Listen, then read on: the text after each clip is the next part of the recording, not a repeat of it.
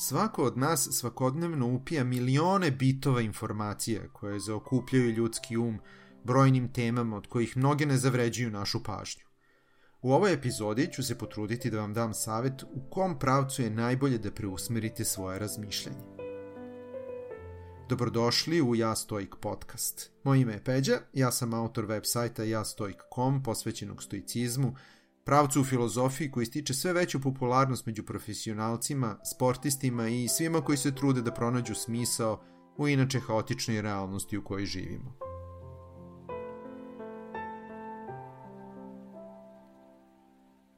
Kao što sam obećao u najavi, danas pričamo o tome o čemu treba i o čemu ne treba razmišljati.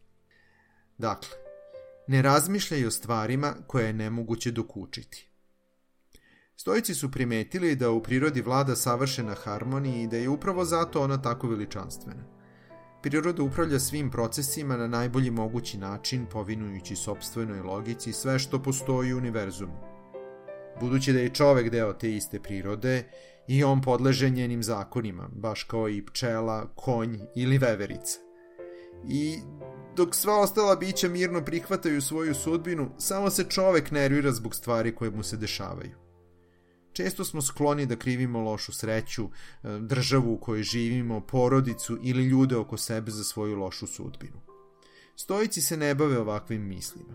Sve što nam se dešava deo je prirodnih procesa koje se odnose na ljudsku vrstu. Od svog postojanja ljudi su se borili sa bolestima, gladi, besparicom, sa ratovima, tugovali su, bili su srećni, zaljubljivali se, odljubljivali, rađali decu, stvarali prijateljstva, ugovarali poslove, zarađivali i gubili novac, gubili drage osobe. Sve ono što su doživljavali ljudi pre 2000 godina, doživljavamo i mi danas. I tako će uvek biti. Zato kada Epiktet savetuje svojim učenicima da žive u skladu sa prirodom, on im poručuje da mirno prihvataju svoju sudbinu, da ne troše vreme i energiju na stvari na koje ne mogu da utiču, već da se fokusiraju na sada i ovde. Jedino što možemo da uradimo u svom kratkom životu jeste da se trudimo da unapređujemo svoje vrline i donosimo ispravne i mudre odluke. I to je sasvim dovoljno. Sve ono što se dešava oko nas je mnogo manje važno od stvari koje se dešavaju nama samima. Zato nemoj trošiti vreme baveći se drugim ljudima i nevažnim stvarima, već se potrudi da svoj moment u večnosti, svoj život, iskoristiš na najpravilniji mogući način. To ćeš postići ako počneš da razmišljaš o svom sobstvenom razmišljanju.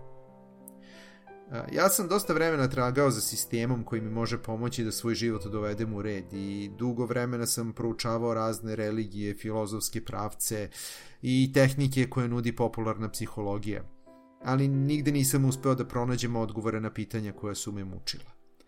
A onda sam ponovo otkrio stoicizam – Kažem ponovo, zato što sam se sećao da sam nekada davno u školi čuo za njega, ali moje znanje o njemu je bilo toliko površno da se svodilo na svega par opšte poznatih činjenica. Stoicizam nije religijski sistem koji ti nameće ideje u koje moraš da veruješ. On nije vrsta popularne psihologije koja te poziva da gajiš pozitivne misli i šalješ svemiru dobre vibracije kako bi ti se ispunile sve želje. Stoicizam je mnogo više od toga. On nas uči kako da razmišljamo o sobstvenom mišljenju. Stoici nas upozoravaju, stvari oko tebe nisu onakve kako se tebi čine, već kakvim ih ti doživljavaš. Naš um ima urođenu potrebu da samom sebi objašnjava stvari koje percipira putem čula – Ovo nam pomaže da razumemo šta se kod nas dešava, ali nas istovremeno dovodi u zabludu svaki put kada se u naše razmišljanje upletu pogrešne informacije, predrasude ili emocije. U suštini, mi ne doživljavamo realnost onakvom kakva je. Mi doživljavamo sobstvenu verziju realnosti na osnovu naših utisaka o njoj.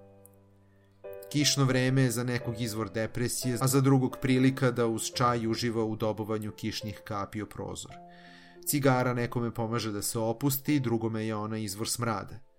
Biftek je za gurmana specijalitet, za vegetarijanca parče leša. pogrešni utisci o emigrantima, političkim protivnicima ili pripadnicima manjinskih grupa koje formiramo na osnovu informacije koje primamo iz medija, čine nas podložnim manipulacijama raznih vrsta.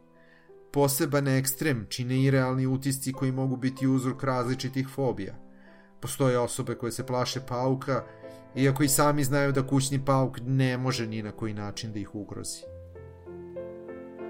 Francuski filozof Montaigne objašnjava Stvari same po sebi mogu imati svoju težinu, meru i kvalitet, ali kada ih jednom uzmemo u sebe, duša ih oblikuje kako joj odgovara.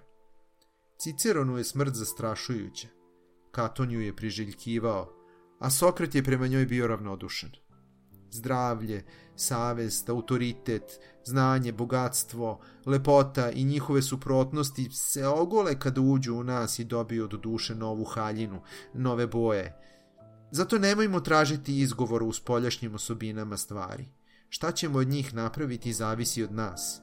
Naše dobro ili loše ne zavisi ni od koga, osim od nas samih.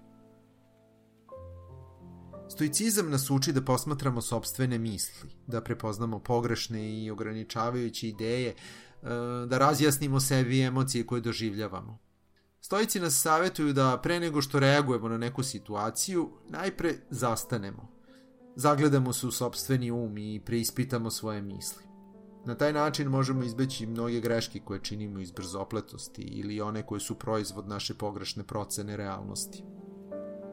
Seneka upozorava da smo češće žrtve strahova i briga koje stvaramo u svojoj glavi nego realnih problema. Često unapred brinemo i mučimo sebe mislima o stvarima koje se obično nikad ne dese. Marko Aurelije primećuje kako je lako odgurnuti svaku misl koja je uznemirujuća ili neprimerena i odmah biti u savršenom miru. Ti si gospodar svojih misli.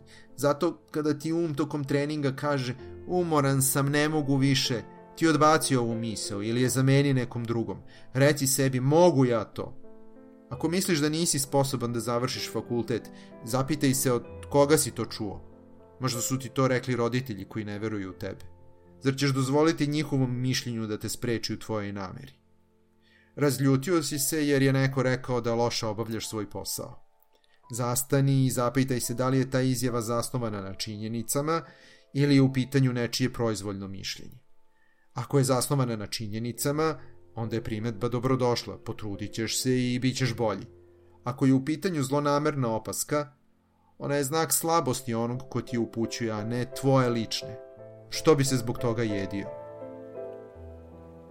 Obratite pažnju na svoje utiske. Pazite ih ne spavajući, jer ono što čuvate nije mala stvar – samopoštovanje i vernost i integritet, um oslobođen emocija, bola, straha, smetnji, jednom rečju sloboda. Ovako je Piktet opisuje psihološke blagodati sposobnosti ovladavanja sobstvenim mislima. I zaista, onaj ko nauči da kontroliše svoje misli, stiče sigurnost, snagu, mir i ne dozvoljava spoljašnjim okolnostima da utiču na njegovu sreću. O ovome govori i Seneka kada kaže Možemo savladati nesreću, dostići mir i vladati najvećim carstvom, sobstvenim emocijama.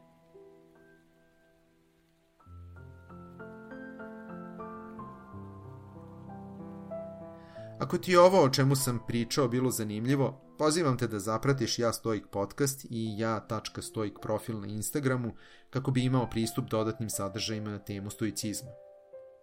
Takođe, možeš da posetiš jastoik.com website, gde možeš besplatno da preuzmeš e-knjigu 50 stoičkih misli, koje ti mogu poslužiti kao inspiracija i putokaz za svakodnevni život.